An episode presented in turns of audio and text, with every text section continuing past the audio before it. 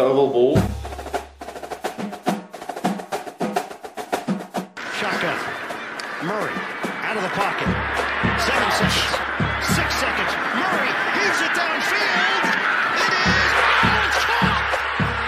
It is caught. DeAndre Hopkins. Miraculous. I play in the NFL. I think I play in the NFL. I think I play in the NFL.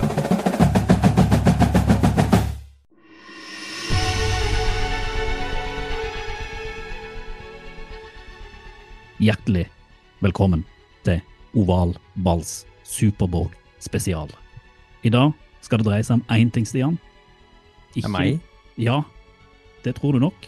Men det dreier seg om ditt lag, 49ers, mot Kansas City Chiefs i Las Vegas natt til mandag.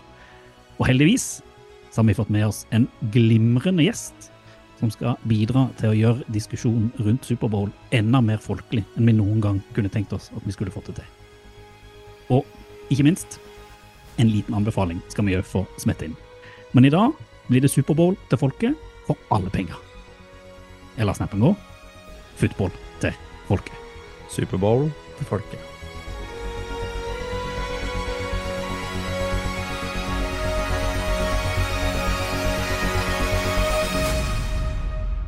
Da, Stian, da begynner vi å nærme oss eh, Superbowl. Vi skal ha lage preview for tredje gang, og jeg må jo si, nå, nå er vi ikke der helt ennå, men det blir jækla stas å få med eh, en gjest ikke mer med tidligere. Jeg gleder meg. Eh, og det å få inn en i programmet som er like eh, fan som jeg er, Ja, kanskje fordi sikkert at- mer òg. Ja, vi må, det blir det blir gøy å sjekke om han bare er sånn der eh, wannabe-fan, eller om han er like gal som det. Det, det blir Tipper jeg nei, det Det er mer det enn meg der. Det. Men sånn, så, før vi hopper inn i denne gryta av, av NFL, vi lager jo litt sånn spesielle episoder. da. Vi har droppa nyheter, vi, vi fokuserer på kamp og, og gjest. Så lurer jeg på rett og slett litt hvordan det går med det. Hvordan, midt oppi alt dette? Midt oppi alt dette, Eh. Kenneth har jo forsvunnet igjen, så det er jo bare det jeg kan prate med. Ja, det er ikke uventa at han ikke er med. Nei, det er jo ikke det, men eh, Det er, alt er sånn det pleier å være. jeg vil jo likegyldig det går veldig fint med meg. Eh, det var trått med en helg uten NFL for første vondt. gang på lenge. Det var skikkelig vondt. Det, var, det gjorde vondt i rutinemusklene mine. Ja, det, er, det er sånn at du har en refleks på å sette på den, eh, den appen på, Mm. på søndag kveld. Mm. Eh, og der var det ikke noe annet enn noe sånn Pro Bowl game-lek eh, som ikke egentlig blir det samme, når du egentlig vil se på i hvert fall en kamp, og, og helst red zone. Det er sant.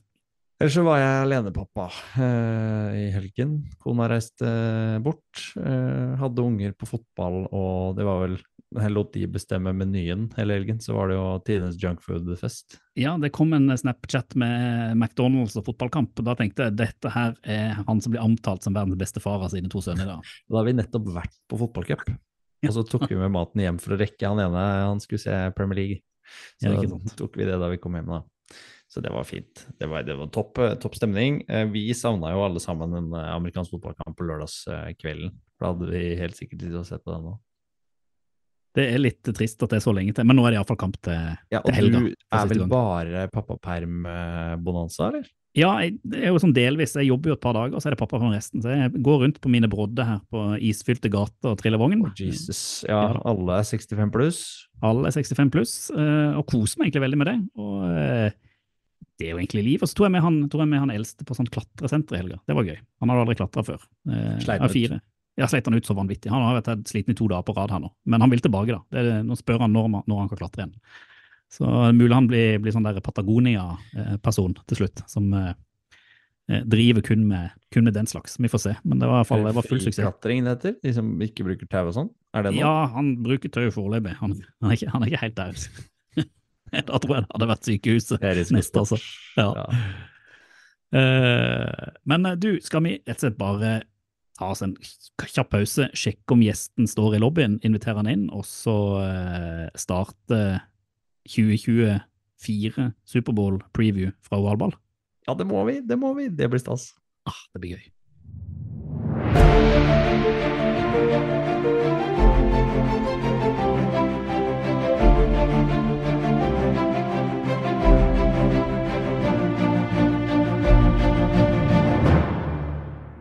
Ønsker vi velkommen til en kar som i 2006 trolig var Norges mest omtalte mann. Han har opptrådt i Oslo Spektrum før han fylte 20, og har blant annet hatt vår tidligere statsminister Erna som personlig fan.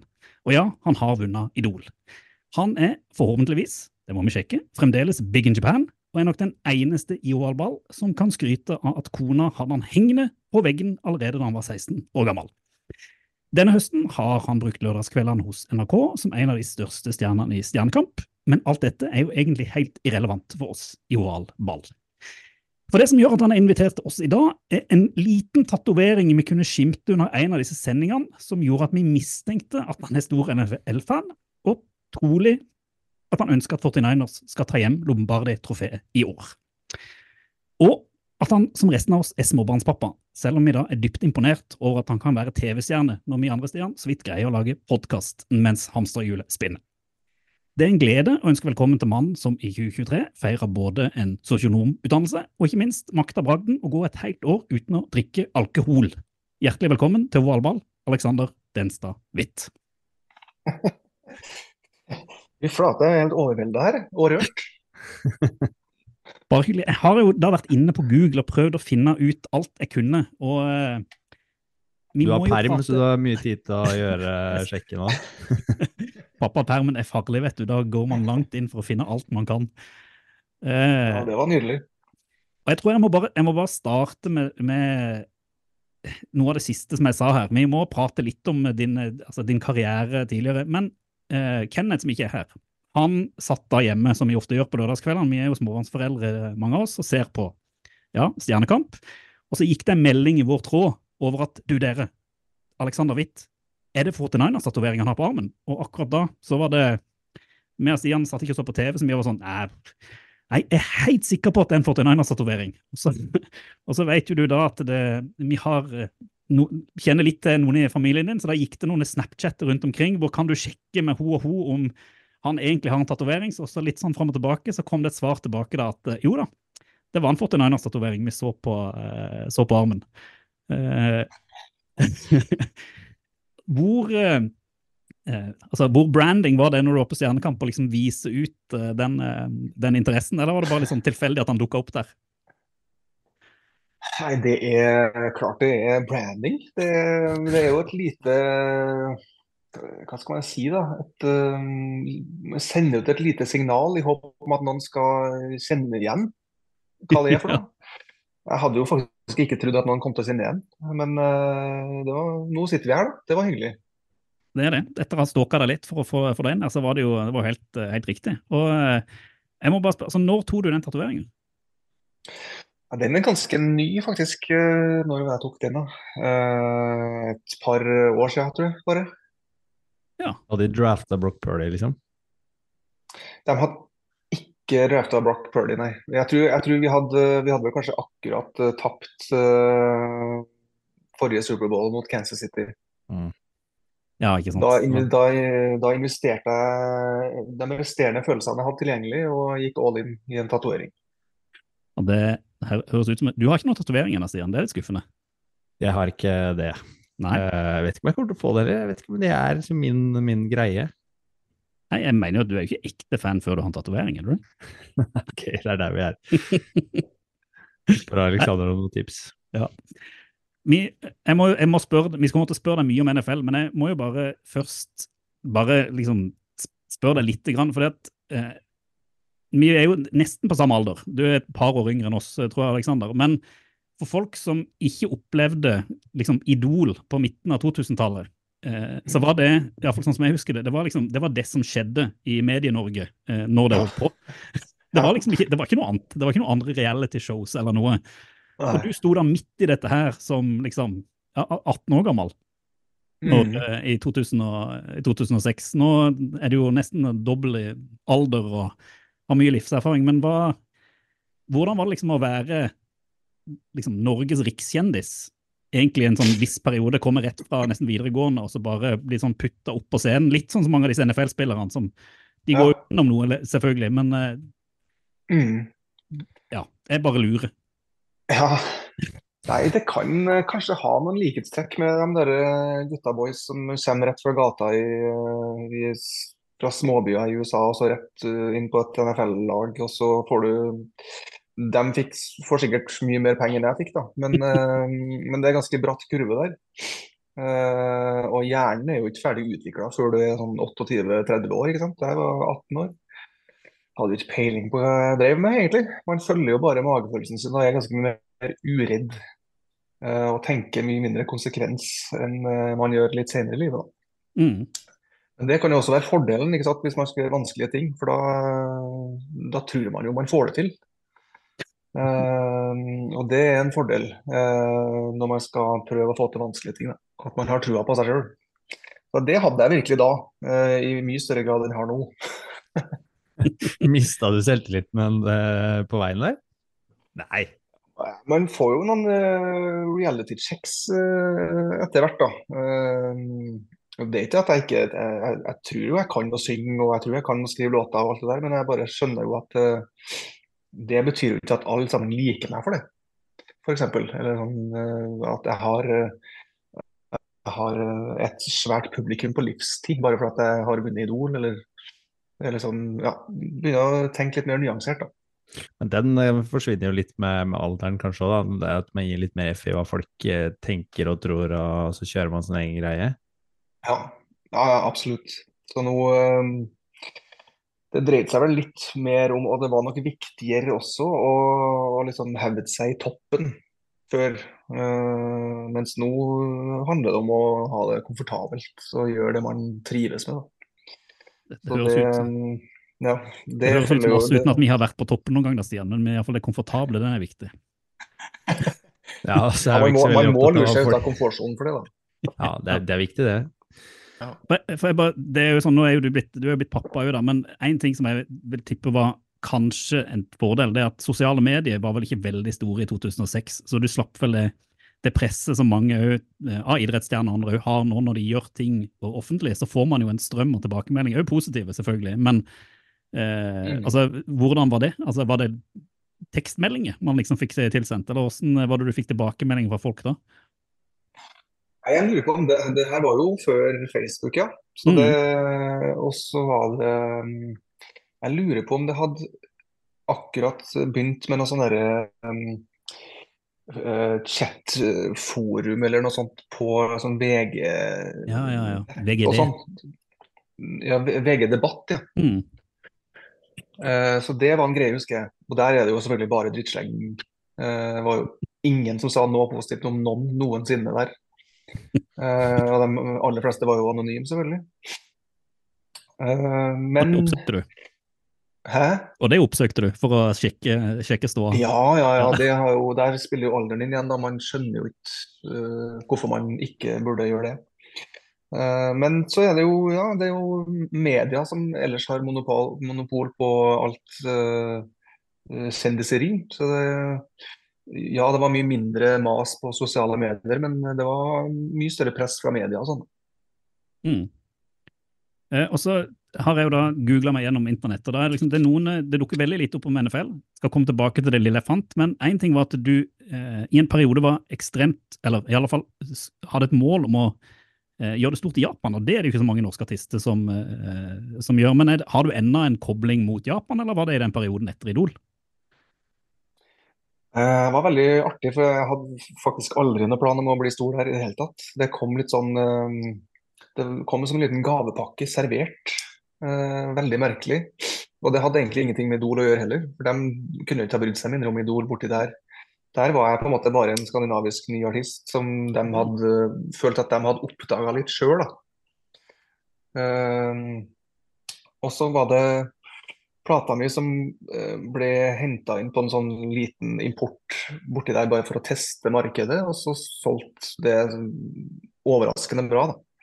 Eh, og da valgte de å lansere det på ordentlig, med liksom full satsing og turné og på et stort plateselskap og sånn. Og så, så gikk det bare helt sånn ut av det blå, skikkelig bra, rett og slett.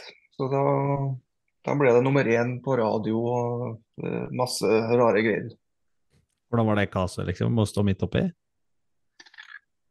Det var Det var litt som å være på Mars, på et øh, vis.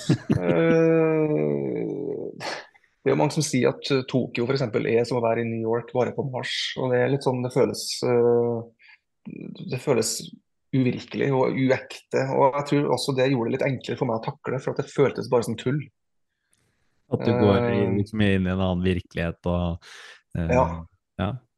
Det er Én ting er å stå på Stjernekamp, og ok, det, det, det er nervepirrende nok med, med 800 000 seere, liksom, men men når du står på et TV-program og skal synge din egen låt foran øh, 20 millioner øh, mennesker, så er det jo Da blir det jo bare teit, liksom. Så da Du klarer ikke å forholde deg til det på en, eh, Nei, på en måte. Det er kjempe... Nei. Nei, det er, jo- det er jo helt surrealistisk. Så jeg har, jeg har full forståelse for at du eh, ja, skulle jeg si, som, som mange andre, tok to en liten pause for å både finne seg sjøl og finne ut litt hva man ville, ville gjøre. Og jeg vet ikke om jeg hadde rett, da, men jeg forstår det sånn at du Jeg vet ikke om det er i år, men du har da eh, gjort ferdig en bachelor som sosionom eh, i år Ja. allerede? Ja.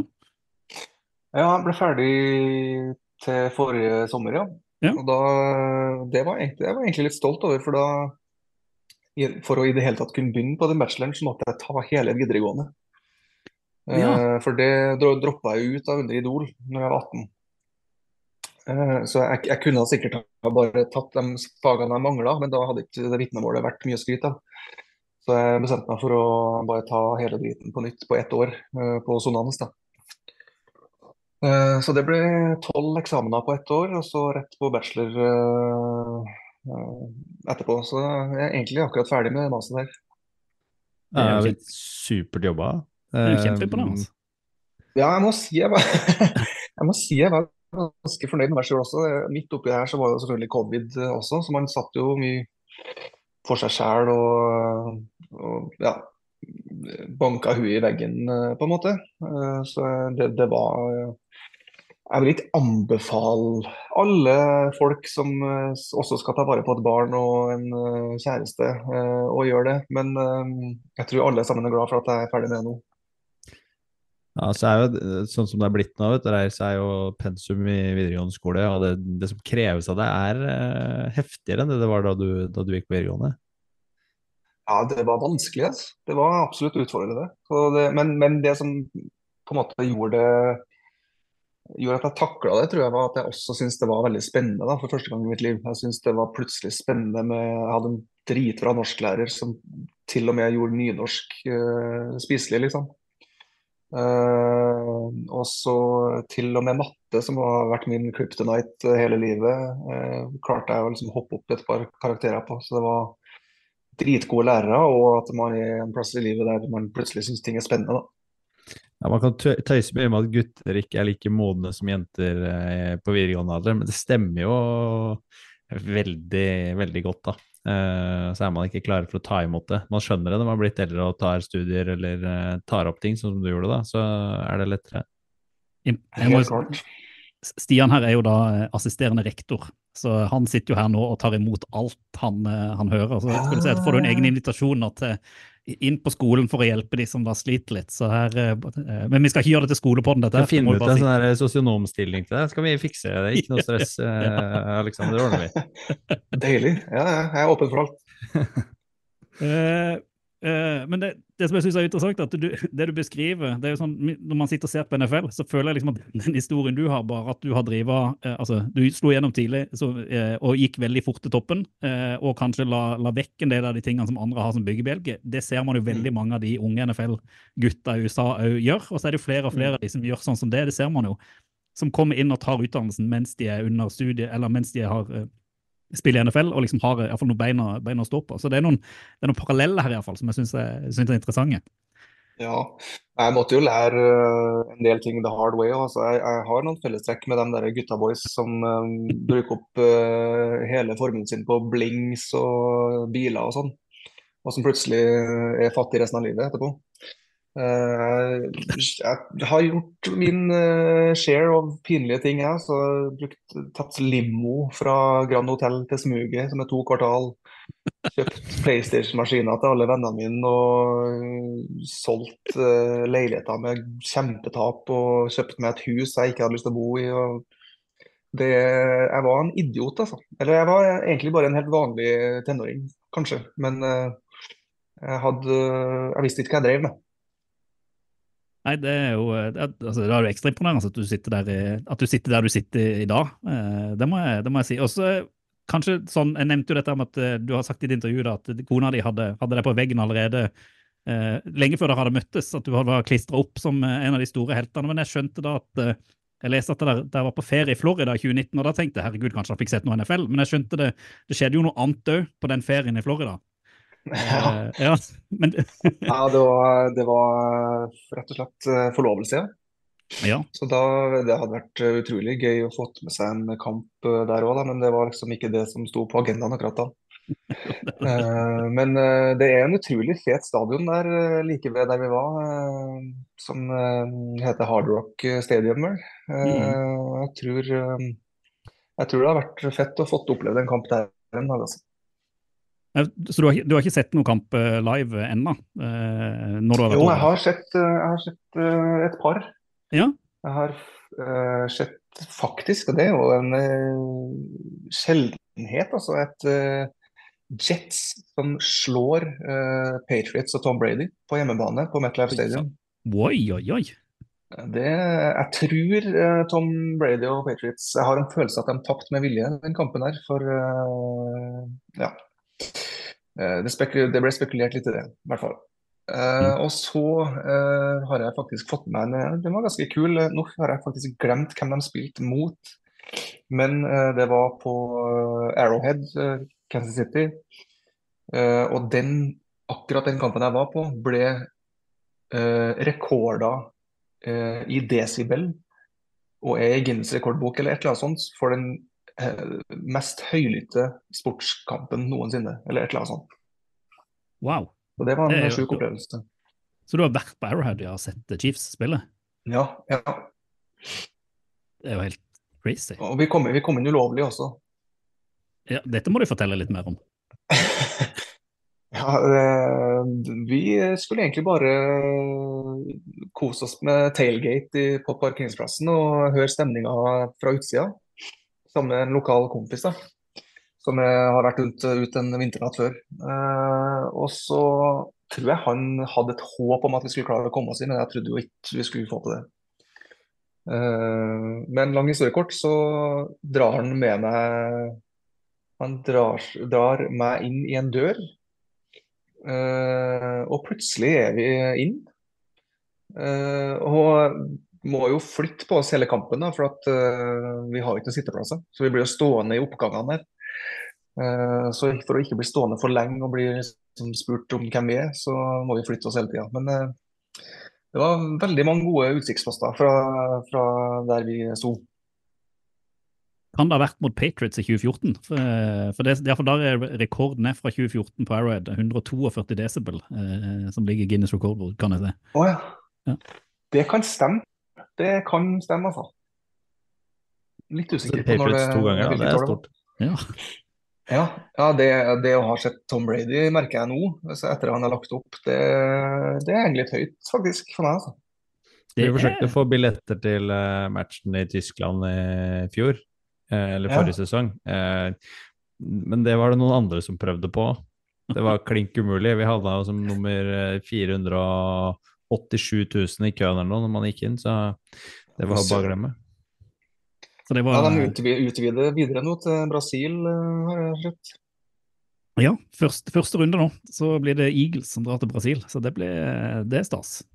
Kult. Eh, det, det siste jeg gjorde før du kom her, det var at jeg, jeg har en tendens til å gå gjennom Twitter-kontoen til alle som skal komme på besøk. og din oh, Twitter-konto Nei, ja, det, Du skal være glad for at de gamle Instagram-kontoene dine er lagt ned, da. Men, men i alle fall, det som er interessant er at du tvitrer selvfølgelig mye musikk, og så scroller man liksom nedover, og så ser man ett spørsmål som er sendt til VG sin NFL-avdeling, hvor du lurer liksom på diskusjon rundt internasjonale NFL-lag. Så er det masse om musikk. Og så kommer jeg ned til sånn 2014-2015, og da, har du liksom, da virker det som Twitter-kontoen din bare er NFL-basert. For da har du eh, du har sitt, Jeg tror det er eh, Seahawks mot 49ers i playoff, hvor det er masse tweets og bilder du har, har linka til på Instagram. Og så sitter du da og ser i alle fall eh, finalen mellom eh, Patriots og Seahawks, som var en legendarisk Superbowl da i 2015, om jeg ikke tar helt feil. Ja, så, og da, liksom, da ser man plutselig at den, den NFL-interessen din er der. Så da det jeg egentlig lurte på, er at hvor langt tilbake går eh, den NFL-interessen din? Når var det du begynte å følge med på dette, og hva var, hva var grunnen? Um, jeg er ikke helt sikker på nøyaktig år her, men jeg vil tro at det kanskje er rundt 2009. Um, skal vi se, da. Ja, 2008-2009 kanskje, for da, da mm, fikk jeg meg kjæreste i USA. Ja. Ehm, så da ble det jo eh, noen turer over dit, og man ble på en måte introdusert for eh, high school fotball, og, og man, man ser liksom hvor eh, dypt rota sitter da, i, i, det amerikanske samfunnet der. Eh, Og så var, jeg også der under Pittsburgh Steelers eh, sin Superbowl.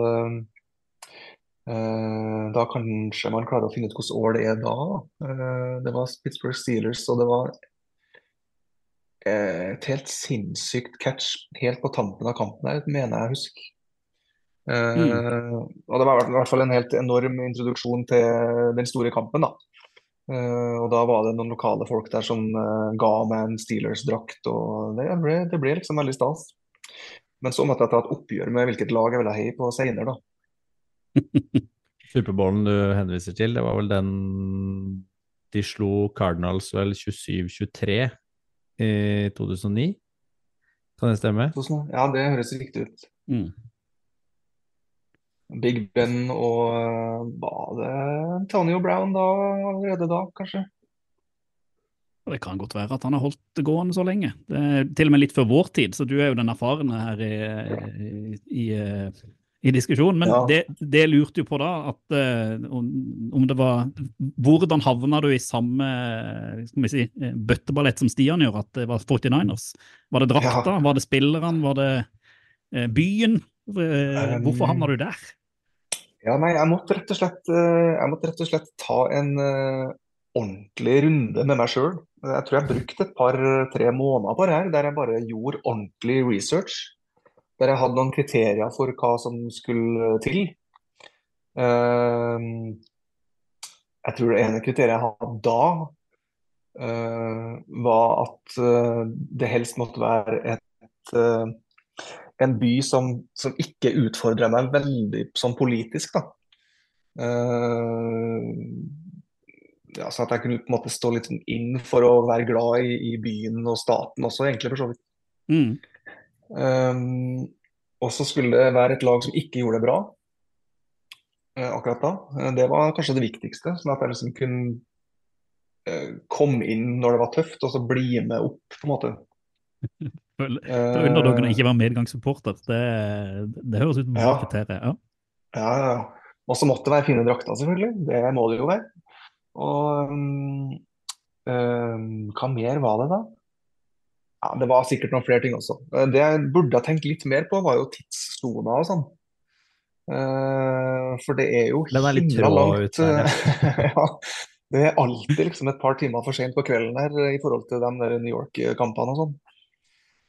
Så det hadde vært litt mer behagelig å heie på, på Giants eller noe sånt. Men jeg har landa på et fint lag. Altså. Det har vært en, jeg kunne ikke ha skrevet en bedre reise å være med på. Eh, egentlig liksom fra ja, fra liksom, tapet i Superbowl mot, uh, mot Ravens med Colin Kaepernick og hele hans lille gladtriste reise der, og til, til, til å ha Chip Kelly som trener. Uh, forferdelig periode. Uh, og frem til nå, når det på en måte Altså, for et stjernelag, liksom. Det er jo helt sinnssykt å ha så mange stjerner på laget sitt, plutselig. Så det har vært en gøy reise. Du går inn liksom med ordentlig mm, hud og hår for å finne deg en klubb, hvis du, hvis du trekker det inn til politikken, og så skal du liksom ha noen kriterier før du søker opp. Det, liksom, det var ikke bare følelsen for et lag her som dukka opp, det var, det var noe mer. Ja, jeg tenkte at her skulle liksom holde eh, Det var et kjærlighetsforhold som skulle holde livet ut. Da, da må man gjøre en ordentlig jobb, da. Da, mm, jeg, jeg har tidligere hatt litt sånne issues med jeg, hadde, jeg, jeg har prøvd å heie på Alabama og sånn i college-fotball. men jeg liksom, så kommer det en eller annen sånn psyko-abortlov eller et eller annet sånn sykt uh, der, og så bare får jeg liksom bismak i kjeften. Det er, noen rare ting som foregår i de røde statene av og til. Men eh, ja. For så vidt ikke så viktig for meg lenger nå, akkurat det der, men, men da var det det. Ja, det jeg lurer litt på, altså den, Denne høsten her har jo du brukt mye tid eh, både på skjermen, men også sikkert for å øve utenfor skjermen. og Med og Stian skal være ærlig at eh, jeg, har, jeg, har, egentlig hvert år fulgt Stjernekamp. I år så, jeg, så jeg ikke alt, rett og slett fordi at jeg valgte å se collegefotball istedenfor på lørdagene. Istedenfor å, Ja, ja, ja. å se. Eh, men det jeg lurer på, hvor mye har du hatt mulighet til å følge med det siste året på, på kampen når du har vært såpass opptatt eh, på et, altså, hvordan, hvordan kan du få den søndagen til å bli NFL-dag når du bruker på en måte hele uka på, på NRK, sånn knytta til familie og sånn? Hvordan har det gått? Ja. Nei, det er vel kanskje den sesongen her jeg har, eh, har fulgt med mest sånn i sideøyet, for å si det sånn. Sidesynet, heter det kanskje.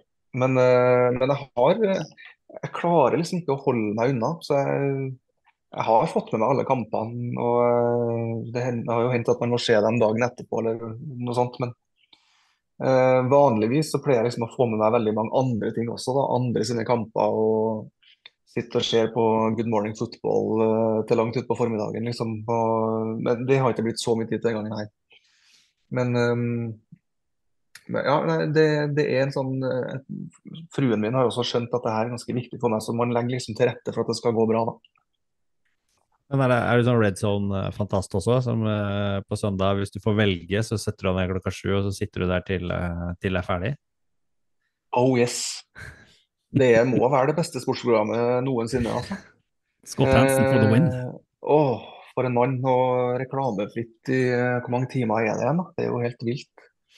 Men eh, nei, det Og så føler jeg meg litt sånn alene om det òg, ikke sant. Og jeg koser meg litt med å være den eneste liksom, i nabolaget som sitter og ser på det her i flere timer, og det er helt uh, nydelig.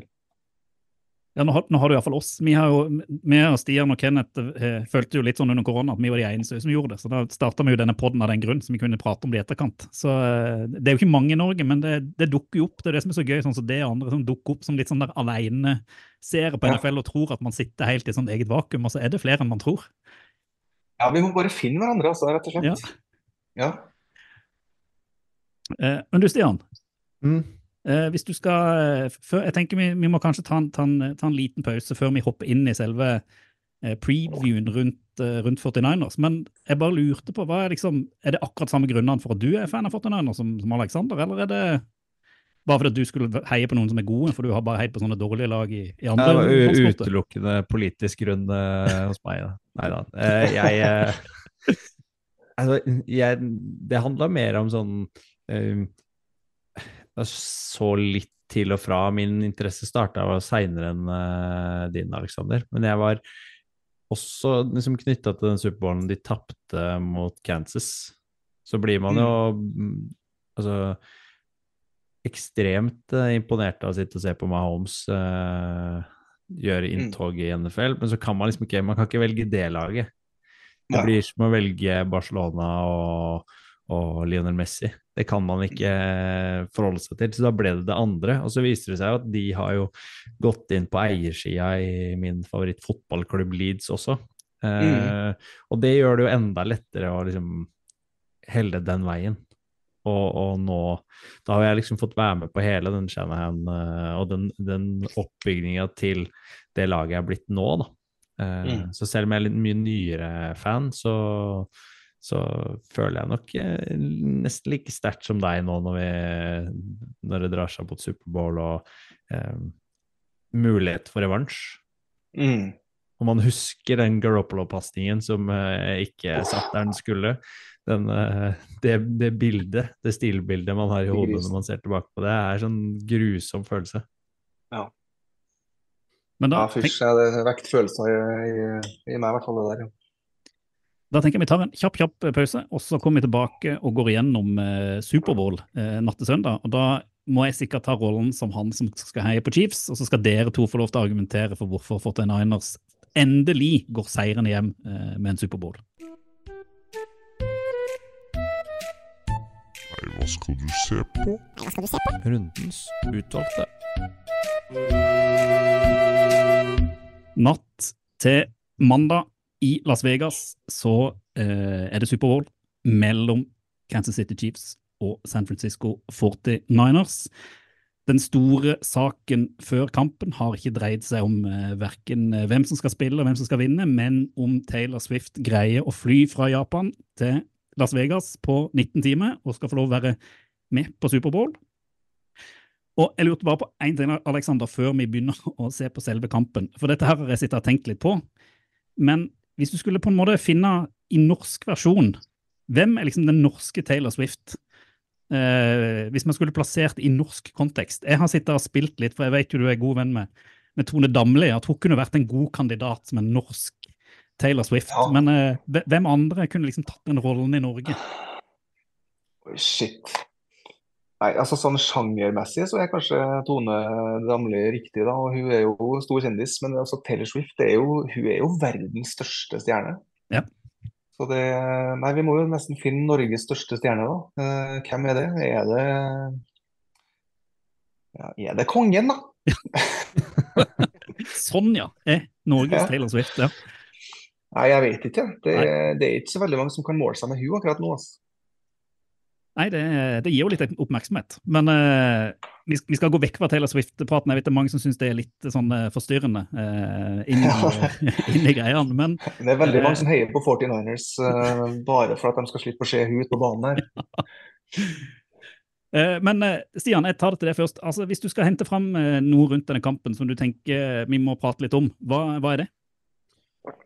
Altså, først og fremst så snakker vi om et uh, Vi kan jo begynne å snakke om Kansas City Chiefs, da, som uh, kanskje mot alle odds er i, i Superbowl.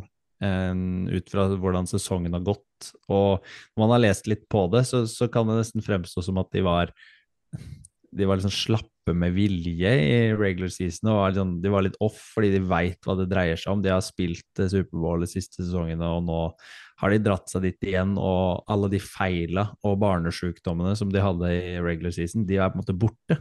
I det playoff begynte, så var på en måte Da var eh, Kelsey skjerpa, da var Mahomes eh, finpussa, da var eh, de andre receiverne påskrudd, og Forsvaret opp to hakk til fra hvordan det hadde vært i regular season. Så jeg tenker jo at eh, eh, den, det taket der er viktig å se på. Ja, hva, hva tenker du, Alexander? Jeg, jeg sitter jo igjen som, som jeg har sagt tidligere, som Detroit Lions-fan og ennå litt bitter for at 49ers greide å snu den kampen eh, hvor jeg da egentlig satt her på en morgen med, i permisjon og så opptak og tenkte at endelig skal Detroit komme seg til sin første Superbowl, og så greier 49ers å, eh, å snu han. Og hvordan tror du altså inn i denne kampen her, hvordan tror du det vil ha tas med fra, fra 49ers-laget, at de har vist at de òg kan greie å snu noe som de tidligere ofte ikke har gjort. Og de har gått inn i to Superbowl nå, selvfølgelig ikke med de samme spillerne, og tapt.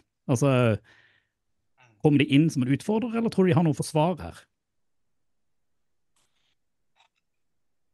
Ja, altså, hver gang Patrick Mahomes er på andre sida av banen, så er det litt sånn eh, Du er litt utfordrer, altså.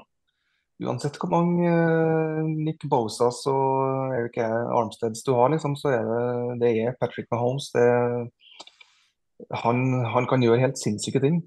Eh, men jeg, jeg syns det var viktig for oss å få den der eh, Lions-kampen faktisk for å bevise for oss sjøl at vi kan ligge under og komme tilbake. Eh, eh, Lions eh, spilte en hinsides bra uh, førsteomgang her, syns jeg. Eh, så det var, ikke, det var ikke rart at vi havna bakpå, men det var desto viktigere for oss å vise at vi kom oss tilbake igjen. Og vi har inn i denne kampen her, da, så må vi jo ha Alle må spille på sitt beste. Altså, vi må, vi må pønte bra. Vi må, vi må ikke sparke bort altså, Vi missa jo på noen field goals og greier. og Vi, vi har ikke råd til sånne ting eh, mot eh, Patrick Mahomes. Altså. Men vi har et sinnssykt bra lag. Og vi har en enormt bra uh, head coach. Uh, så vi, vi, vi har muligheten nå. Vi har tidenes mulighet til å få revansjen vår. Og jeg tror vi har en uh, chip on our shoulder, som det heter. Og jeg tror vi er, er sint Og vi har en Josh Kittle som, uh, som lovte at han skulle uh, komme tilbake eh, with a vengeance, eller hva han sa for noe. Mm, han var sint. Eh, ja, han var sint. Eh, og nå skjer det. Så det, hvis det går ad dundas den gangen her òg, så tror jeg Da tror jeg jeg trenger et par år på å komme meg igjen, altså. Kan kanskje se på den QB-duellen først, da, som er kjempespennende. Når du har eh, den beste spilleren noensinne eh, i, i Patrick Mahomes, som i sluttspillet liksom, Jeg leste en stats på at han hadde Han spilte nesten feilfritt i løpet av hele regular season, men hadde uppa gamet med liksom fire prosentpoeng etter at playoffet starta også. Eh, og gjør på en måte ikke feil, da. Nei. Nei, det er jo helt utrolig. Og på andre sida så har du uh, Mr. Irrelevant uh, Brock Purdy, da, som uh, Ingen egentlig vil respektere. Nei, eh, nå begynner jo folk å snu litt, da, selvfølgelig, for nå er han i Superbowl, og da er liksom hva, hvor mye mer kan du krangle på at han uh, klarer å vinne kamper, liksom. Men han har ikke den X-faktoren som Patrick Mahomes har. Det har han har jo vist at han klarer å å redde noen, uh, noen spill med føttene sine, og at han, at han, klarer å gjøre ting man ikke trodde han skulle klare. Men han er fortsatt en, en, uh, ja, en mye mer sånn uh, landlig kar. Han er jo liksom ekstremt viktig for, å, for at Fortnite skal få brukt våpnene sine. da. Ja. Noen må distribuere den ballen til Ayuk og til ja, ikke så mye til McCaffrey, kanskje, men til Kittle og til, til Debo. Eh, mm. Så må det skje noe der. Da. Han treffer jo på det han skal. Ja, ja absolutt. Så for at Kyle Shanahan skal forsvinne, så må han ha en, en quarterback som klarer å, å gjøre alle de tingene. Og det Uh, også, han er utrolig kul under press, syns jeg også. Det, det, tror jeg også kommer til å komme godt med i en Superbowl, altså, der det bare kommer til å koke rundt den hele tida. Uh, du så i matchen mot Detroit nå sist, så han er tøff i huet. For han, han, står såpass lenge i pocket at de andre kommer seg i posisjon, og han tar de smellene han skal ta før han leverer pasningene. Uh, mm. Og etter den kampen så var det vel noen NFL-eksperter som uttalte at uh, han er på en måte Garoppolo, men han kan løpe i tillegg. Og så er, ja. ser han vel kanskje enda mer treffsikker ut òg. Ja. Og så har han en sånn derre Altså, han, han, er jo en kristen kar. Og har liksom et, uh, noen verdier og et perspektiv som er litt sånn Fotball er ikke alt, liksom. Uh, Veldig kul. Og, hvis, ja, og hvis jeg ikke hvis det ikke går bra for meg, så skal det gå bra likevel. og Det er, ikke, det er andre ting som er viktigere. og Det tror jeg er litt sånn eh, viktig for at det ikke skal bli for stort for han i, i den Superbowlen. her. Han kommer liksom fra Mr. Eh, Irrelevant til rett til Superbowl, og det er jo Egentlig skal ikke gå an å takle det presset der. For, jeg, må bare, eh, jeg må spørre deg litt om det, og det er på en måte ikke for å dra, men du, du kom rett fra videregående og ble eh, Idol-vinner, og Brock Purdy kommer liksom som en helt ukjent mann og inn og nå skal lede kanskje et av de mest liksom, renommerte lagene i, i Superbowl. Altså, jeg skal ikke si at man skal sammenligne det, men liksom, hvis uh, den uh, Nå vet jeg ikke, du er vel 5-36? Altså, den alderen du nå skulle gitt noen råd på noen måte både, både tilbake til deg sjøl, men liksom til Brock Purdy nå om hvordan takle den anledninga han står i, som er jo større enn den noen ganger kommer til å oppleve, vil jeg tro, og noen gang har opplevd. Uh, hva er liksom, Hvilke mm. råd ville du gitt basert på egen erfaring? Jeg tror det faktisk her eh, det kan, kan være en fordel å være litt ung og uredd. Uh, jeg tror definitivt det er godt å ha rutiner. Jeg tror ikke jeg tror ikke Peyton Manning og Tom Brady hadde vondt av rutinen sin i den Superbowlen de hadde, men, men, jeg tror at han trenger eh, å bare ta med seg det momentumet han har skapt her nå, og så bare spille en kamp til. Eh, spille en kamp til, og så vet du at du har Trent Williams eh, som eh, passer på deg. Eh, og du har de sykeste våpnene tilgjengelig eh, foran deg. Og så, og så må du bare tørre å, å, spille og ha det gøy, liksom. Mm. Men det, det er søren meg ikke lett da, når det 90 000 uh, som eh, kauker rundt deg og uh, x antall millioner som ser på på TV. Det er klart det er et vanvittig press. Men jeg tenker, for å hoppe litt, litt videre der, da, for En av de tingene vi har identifisert tidligere, eh, som jeg har lyst til å spørre dere begge to litt om, det er jo at det er kanskje en, en sånn nøkkelting i, i, denne kampen, og det er, som vi har pratet om nå, det angrepet til 49ers mot kanskje det beste forsvaret i NFL, eh, mm. som det har sett ut i, i, playoff. Det er forsvaret til Chiefs, som mm. til og med hamra i stykker til et Ravens-lag som alle trodde bare skulle gå rett til, eh, mm. til Superbowl. Eh, og man så jo at det uh, 49ers-angrepet uh, sleit mot forsvaret til Lions, som på ingen måte er på samme nivå. Mm. Og hva tenker dere to, hvis vi kan ta 49ers-analysen først? Altså, Hvordan skal 49ers løse den forsvarsgåten som Chiefs legger fram? med et, De har en god linje, de har en kjempegod secondary med McDuffie og alle de Eh, som, eh, som, kommer. De har bra blitz, eh, og de virker til å dekke opp det aller, aller, aller meste. Og så I tillegg da, så må man greie å beskytte Brock Birdie, sånn at han iallfall får kaste han underveis, og du kanskje får de hullene til, til McCaffrey.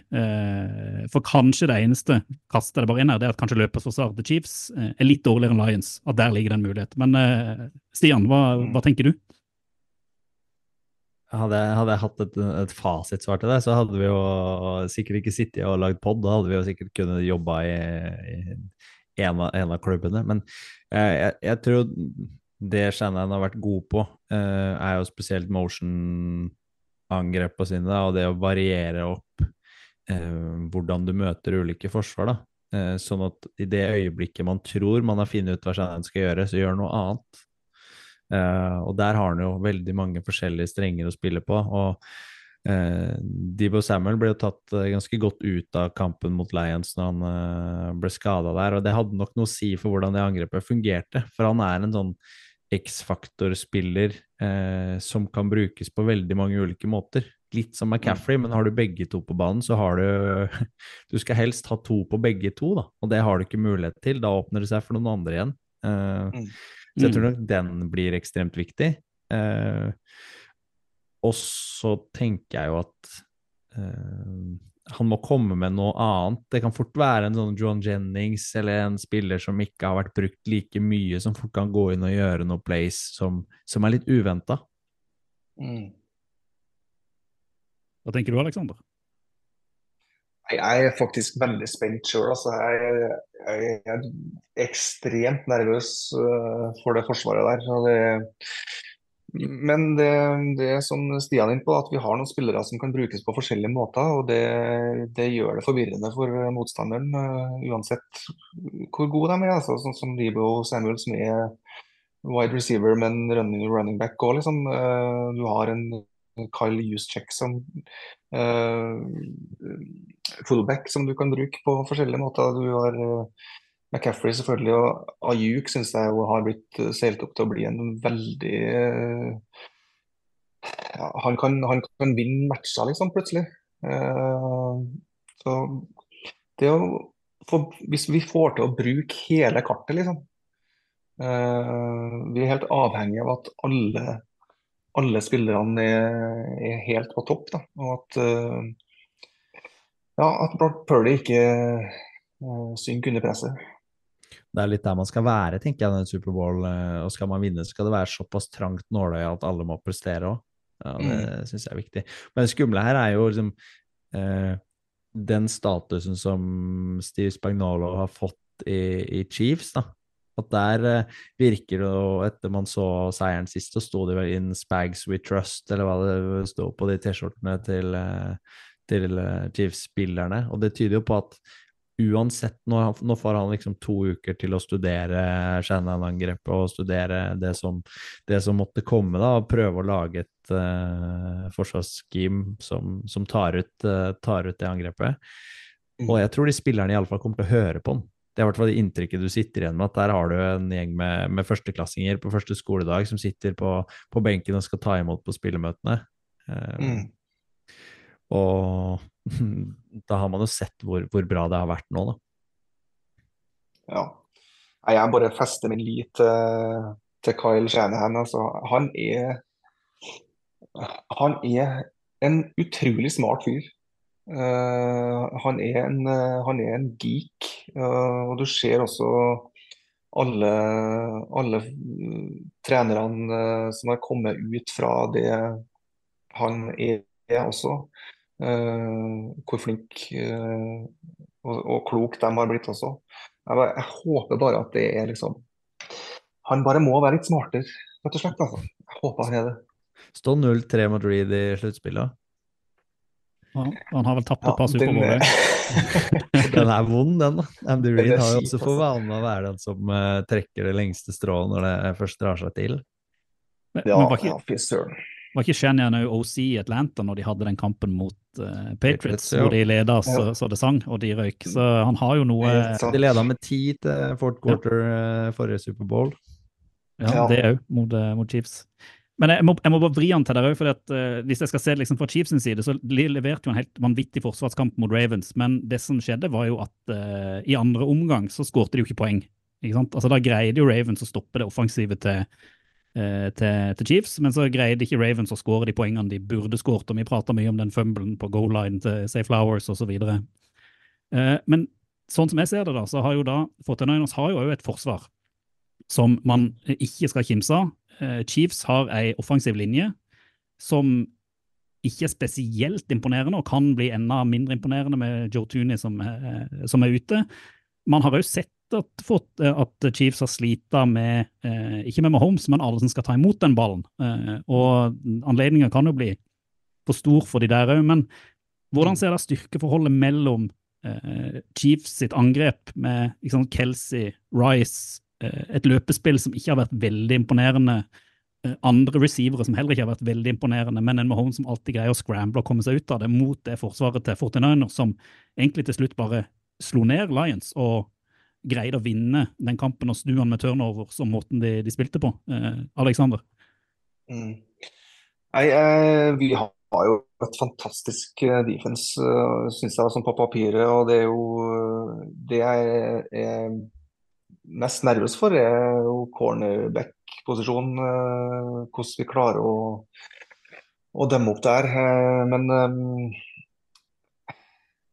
det er kult å ha Nick Bosa og, og Chase Young og sånn, men, men når du spiller mot Patrick Mahomes, så er det ikke sikkert det er like lett å, å komme til likevel. Så den ballen kommer til å komme ut av handa til han eh, på et eller annet tidspunkt. eh, og da må vi da må vi være der eh, bakerst, liksom.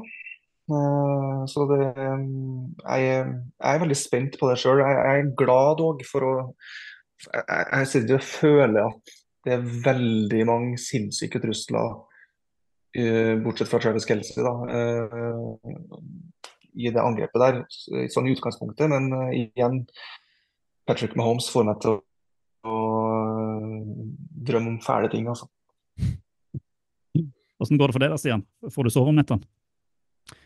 Ja, for å sove. Altså, jeg syns jo det er fantastisk å se Patrick Mahomes uh, spille fotball uansett, da. Om det er mot Fort Niners eller hvem, hvem han spiller mot. Men uh, nå er det vel sånn at det, er jo en mulighet for at Joe Tooney skal spille. Ja, så er det vel han og Menihus som er ute hos, eh, hos eh, Chiefs sånn med sikkerhet, da, kan man i hvert fall si. Og så når man skal se på styrkeforholdet til angrepet til, til Chiefs, så tenker jeg jo mot, mot det må de, de må jo velge sine kamper, da, og velge hva som er den største trusselen. For du har sett en del slepphendte receivers eh, i Chiefs-laget, og det er kanskje ikke det verste om du lar eh, MVS eh, stikke av gårde bak Leonor Leonore en og annen gang i løpet av kampen. Den, den sjansen må du ta, og det er bedre å putte to mann på, på Kelsey, f.eks., og følge den ruta og, og stenge igjen for Pacheco.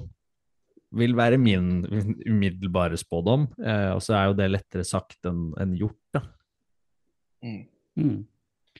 Jeg er glad vi ikke har uh, Tyreek Hill å, å deale med, i hvert fall. Uh, med den armen til Mahomes og, og den føttene hans, så, eh, så, så føles det litt bedre.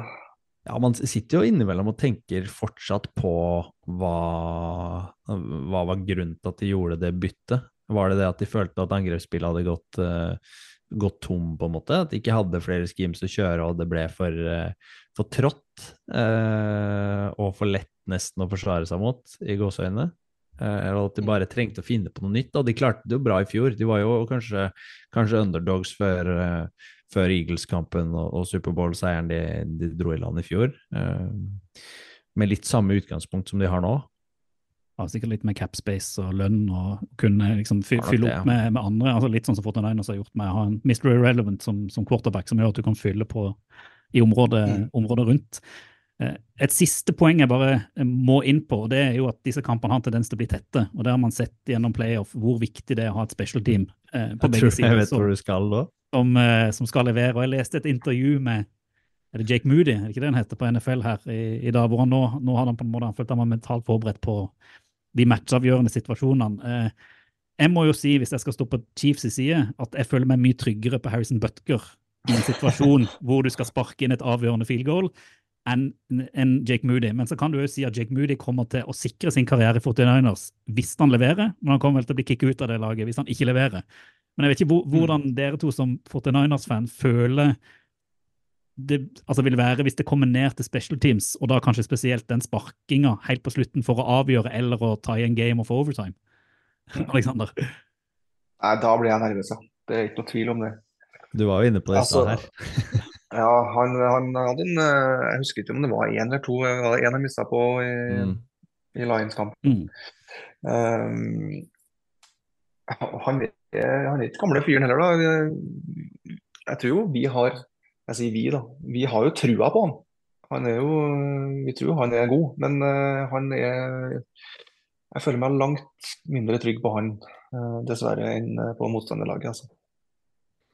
Vi har eh, hatt mange diskusjoner om uh, kickere opp gjennom uh, våre episoder Uh, her. Vi, vi elsker jo kickere. Ja, vi, det det, er jo si. en fascinasjon man har, da, og det der Mm. mental game, og hvor, hvor nervevrak de gutta er da, når de skal ut og, og kicke. Og alt de står og gjør, er, er å stå og dunke på den ballen på sidelinja og forberede seg på, på å sette det ene eller de tre poenga. Veldig spesielt. Du så jo, Det blir jo sånt mindgame hvis du så før uh, Ravens uh, Chiefs-kampen, Oh, yes. hvor Mahomes står og kaster hjelmen hans liksom Ja, gjennom en sånn og bare kom deg vekk fra siden vår. Så vet jeg ikke, liksom Det å stå i den situasjonen som kicker, da, og du veit det er som siste straffespark i et fotball-VM eh, som skal settes. Eh, Mm. Og det er ikke alle som har eh, mental styrke til å ta det. Og At Jake Moody blir tatt i tredje runde, er jo ikke tilsvarende at han, at han er mentalt eh, på plass. Nei, nei, nei, nei. Absolutt ikke. Det, jeg tror det spiller ikke noen rolle, hvilken runde det er. Det er bare en helt unik situasjon. Og hvis du er litt, eh, litt ung og uerfaren i tillegg da, så er det et hardkjør, altså. Da er vi inne på det du sa i stad, at da, da du var ung og idol og vant Idol og ikke Mm. visste helt hva du var med på, men at du var litt sånn uredd og ikke ensa kanskje det som alt som foregikk rundt deg. da.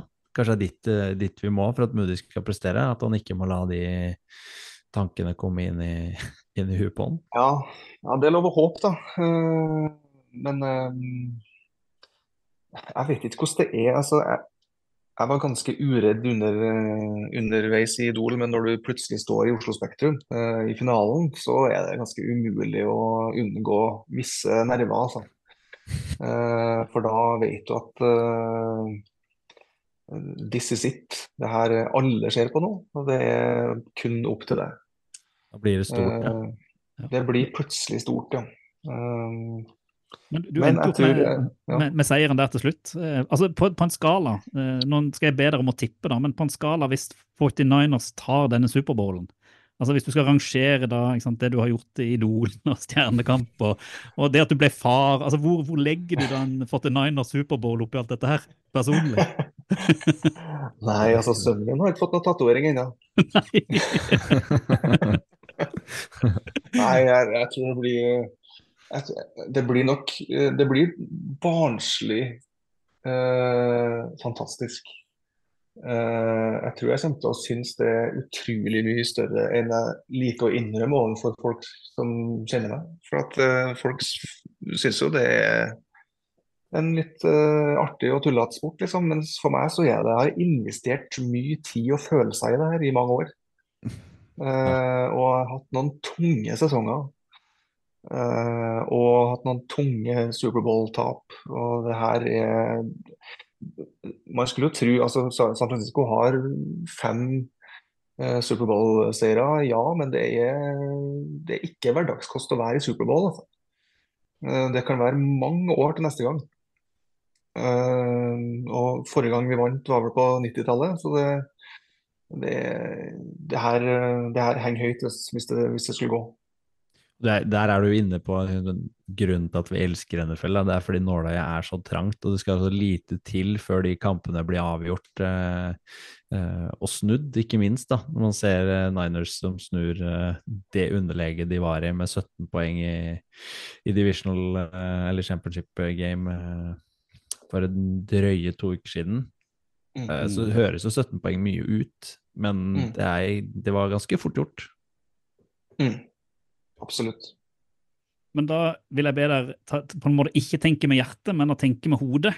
Eh, kan jeg gå til det først, Alexander. Jeg vil gjerne ha ditt, eh, din tipping av hvordan Superbowl går. Eh, gjerne, altså Både vinner, men også gjerne et resultat, hvis du greier å ha i bakhodet. Og da, med hjertet vet jeg hva det vil tippe, men da skal jeg få lov å tippe med hodet, i hvert fall så vi får en litt spenning i hvor du, hvor du tror det ender.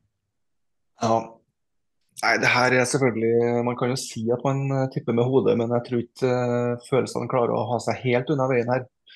Uh, men uh, jeg tror San Francisco vinner knepent. Jeg tror San Francisco er det beste laget. Jeg tror også egentlig at vi har den, eh, den eh, beste treneren. Det er kanskje mer følelsene som snakker. Um, Elsker vi på den her, da. ja, ja. Og så uh, tror jeg at uh, det er så mye uh, sinne i noen av de kroppene utpå her, fra foregående failures og Superbowl-tap uh, osv., som gjør at det her eh, Jeg tror de klarer å ta ut det lille ekstra som de eh, ikke klarte forrige gang. Og så tror jeg vi har den gangen her en quarterback som på en eller annen finurlig måte klarer å overraske hele verden med å, å, å ta det hjem. Spennende.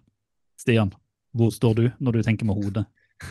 Jeg tror det blir en trist, eh, trist natt til mandag. Jeg tror det blir ordentlig sørgelig. Jeg har slutta å tippe mot Mahomes. Jeg, jeg mm, tror ikke på noe annet utfall. Og så er det kanskje fordi jeg håper jeg blir positivt overraska. Men jeg syns eh, det er helt umulig å, å hamle opp med Mahomes når det drar seg til viktige kamper. Det er, liksom, det er urettferdig. Det er en cheat code som du får på et spill. Det er litt sånn det føles når du sitter og ser på, ser på han spille, for han finner alltid noen løsninger. Eh, så håper jeg selvsagt jeg tar, tar feil, men eh, jeg er liksom jeg er redd at uh, Reed og Mahomes er Shanahans bane, da. Og så det, går det dessverre utover Trent Williams, for eksempel, hvor kanskje som aldri har vært i en Superbowl, og, og kanskje fortjener det meste av alle eh, spillerne i NFL.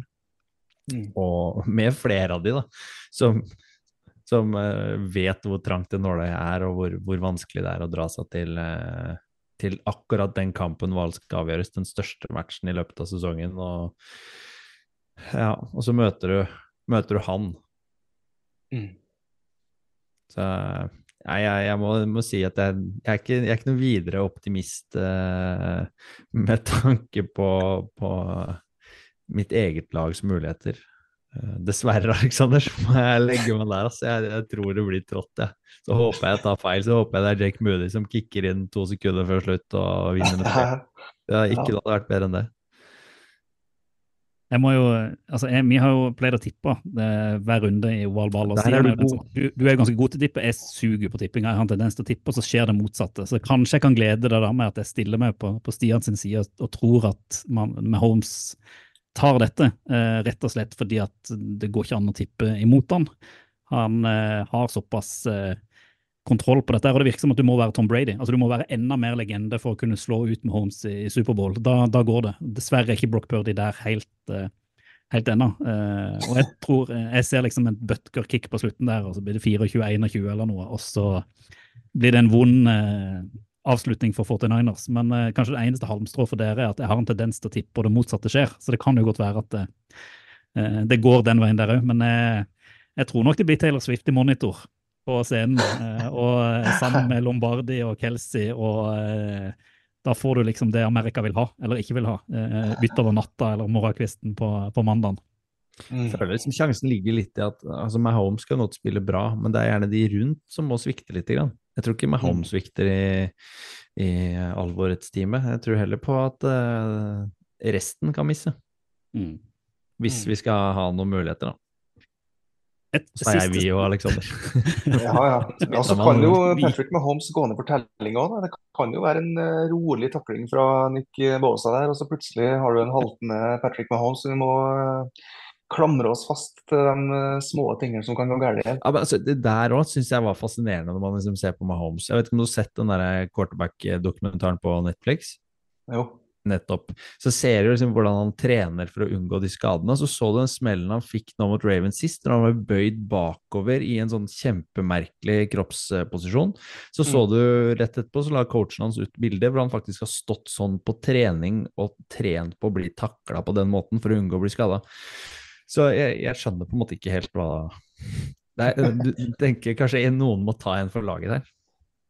Nå syns jeg vi Eh, skal eh, gå vekk fra sånn der fankultur hvor vi skal skade motstandere og sånn, og så eh, Det var ikke det jeg sa. Typ, nei. I know. Men noen må prate, er det sånn, noen må prate Chiefs sin sak her på, det, på- poden. podden. Eh, men før vi egentlig avslutter previewen, så har jeg ett siste spørsmål, og det er egentlig til, til deg begge to, men spesielt det, Alexander. Hvordan skal du se Superbowl? Hva er planen? Eh, planen er, nå har det blitt litt sånn tradisjon etter hvert her, at eh, vi samles eh, til den av oss som har eh, størst plass. Eh, I det tilfellet her så er det Chris Holsten. Så eh, vi skal samles der, og da pleier jeg å stå for maten. Jeg er glad i å lage mat, så det blir jo eh, alle oppskriftene fra USA. Og så er det heldags, selvfølgelig. Starter tidlig på morgenen. Begynne å lage guacamolen før, eh, før frokost. Der. Så det, det blir en gjeng med gutta. Det høres uh, ut som en fantastisk uh, skal vi si, kveld, natt og morgen. Uh, og det er en tradisjon dere har holdt flere år på rad nå? Ja, og det kommer bare flere og flere for hvert år, så det virker som at eh, det begynner å gå opp for folk at eh, det her er gøy å følge med på. Det er stort sett bare Det er synd at Superbowl er på en måte Altså, det er så lenge til neste kamp. At de som biter på på Superbowl, de er på en måte De må starte på nytt igjen når vi kommer til september.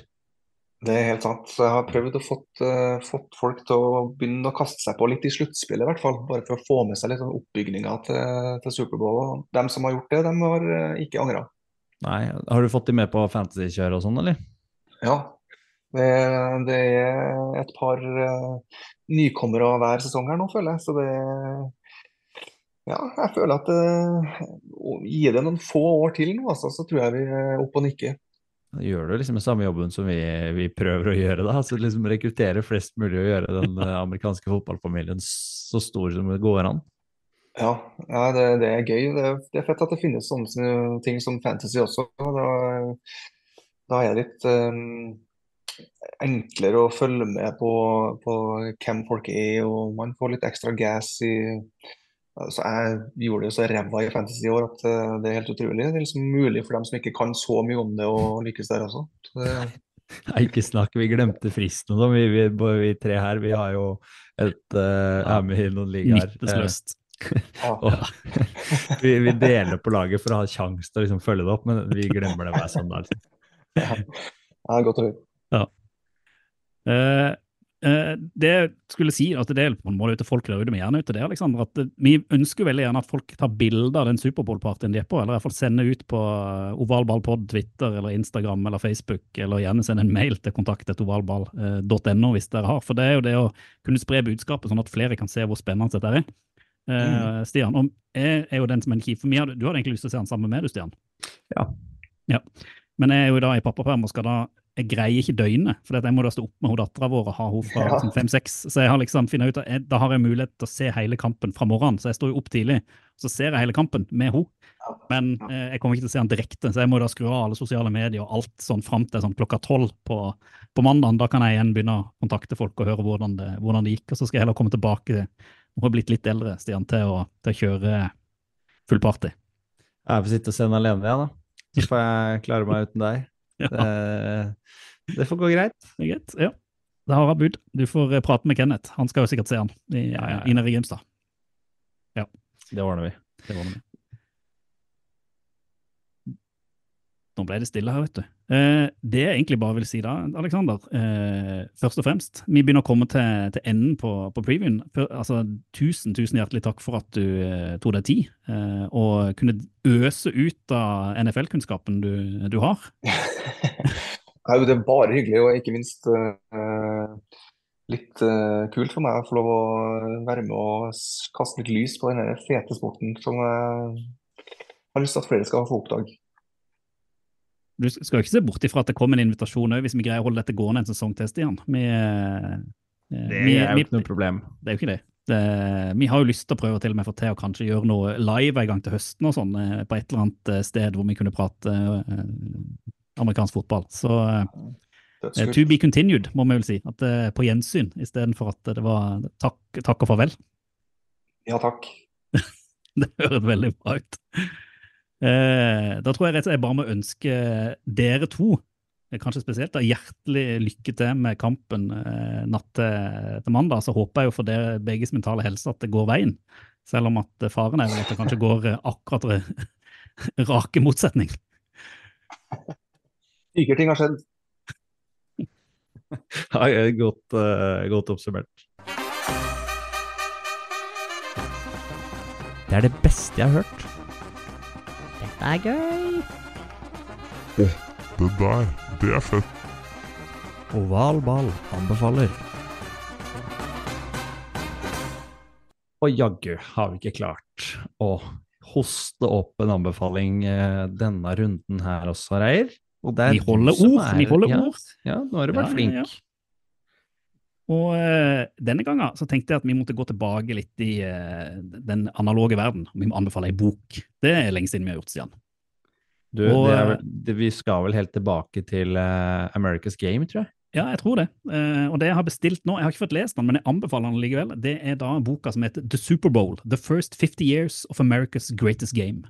Skrevet av David Fisher. Og den handler egentlig litt om historien bak Superbowl og de første altså, ja, 50 årene av Superbowl, eh, hvor du får da et eh, innblikk i hvordan det oppsto. Og eh, jeg har jo til og med prata litt om dette her eh, hvis vi går tilbake til episode 70, hvor jeg lagde en Superbowl-reportasje med litt av historien. Men da er det jo selvfølgelig da heller 400 sider som beskriver dette fra start og fram til eh, 90-tallet. Eh, Og den tror jeg er veldig bra lesestoff nå, eh, før man skal sette seg ned natt Ja, vi forventer at folk mandag. leser den før søndag. Ja, ja, og send oss anmeldelse på mail, selvfølgelig. På ball. Fotball til folket. Altså, det er ingenting jeg liker bedre enn å finne sånne skjulte skatter ute i eh, norske Han er ikke så skjult. Nei, det er skjult at han liker NFL. Eh, også, jeg, må, jeg skal jo ærlig si at jeg var usikker på hvor stor interesse det var, etter å ha liksom bare små tekster med han på, på Instagram, eh, han Alexander. Men herregud, han er jo, han er jo like god hadde det. Han hadde tatovering. Det er klart da Ja, han hadde tatovering. Det burde, det burde ringt deg bjelle. ja. Uh, men det er bra liksom en, en, en spotting på Stjernekamp kan ende med gjest i Wallballpod. Det, det liker vi. Jeg tipper han syns det var større å være gjest i Ovalballpod enn å være med i Stjernekamp. Ja, det virker sånn. Det er jo synd på Kenneth da, at han ikke fikk lov å være med og dele gleden. Eh, men pytt pytt. Ja, det var kjempestort. Og det er stas når man får eh, folk som heier på skikkelig lag òg. Ja. Sier 49. Så jeg, jeg må jo beklage som programleder at vi har hatt en slagside mot 49ers uh, denne episoden, men det er nå sånn det går når man får to fan uh, inn i én episode. Jeg synes det er ikke vanskelig å være nøytral egentlig når man skal snakke om den Superbowl-kampen og når det er Chiefs som står på andre siden. Det er mange Ja. takes man kunne trukket ut òg, som ikke Ja, det er sant det. eh, bare handler om at 49ers er gode, liksom. Og det syns jeg vi klarte å belyse litt. Det skal du få litt kred for. Det er greit, det. det er greit det. Så, Men, eh, mm, Mm, det var det stas av gjest igjen. Det er en stund siden sist. Så det må vi ja, prøve å Mattis var her forrige uke, var det ikke? Jo, men han har vært der før, så nå var det en ny en. Det er liksom, Han er en del av familien. han er en del, Mattis er en del av familien. Sander er en del av familien. Jeg ser ikke på de som gjester lenger.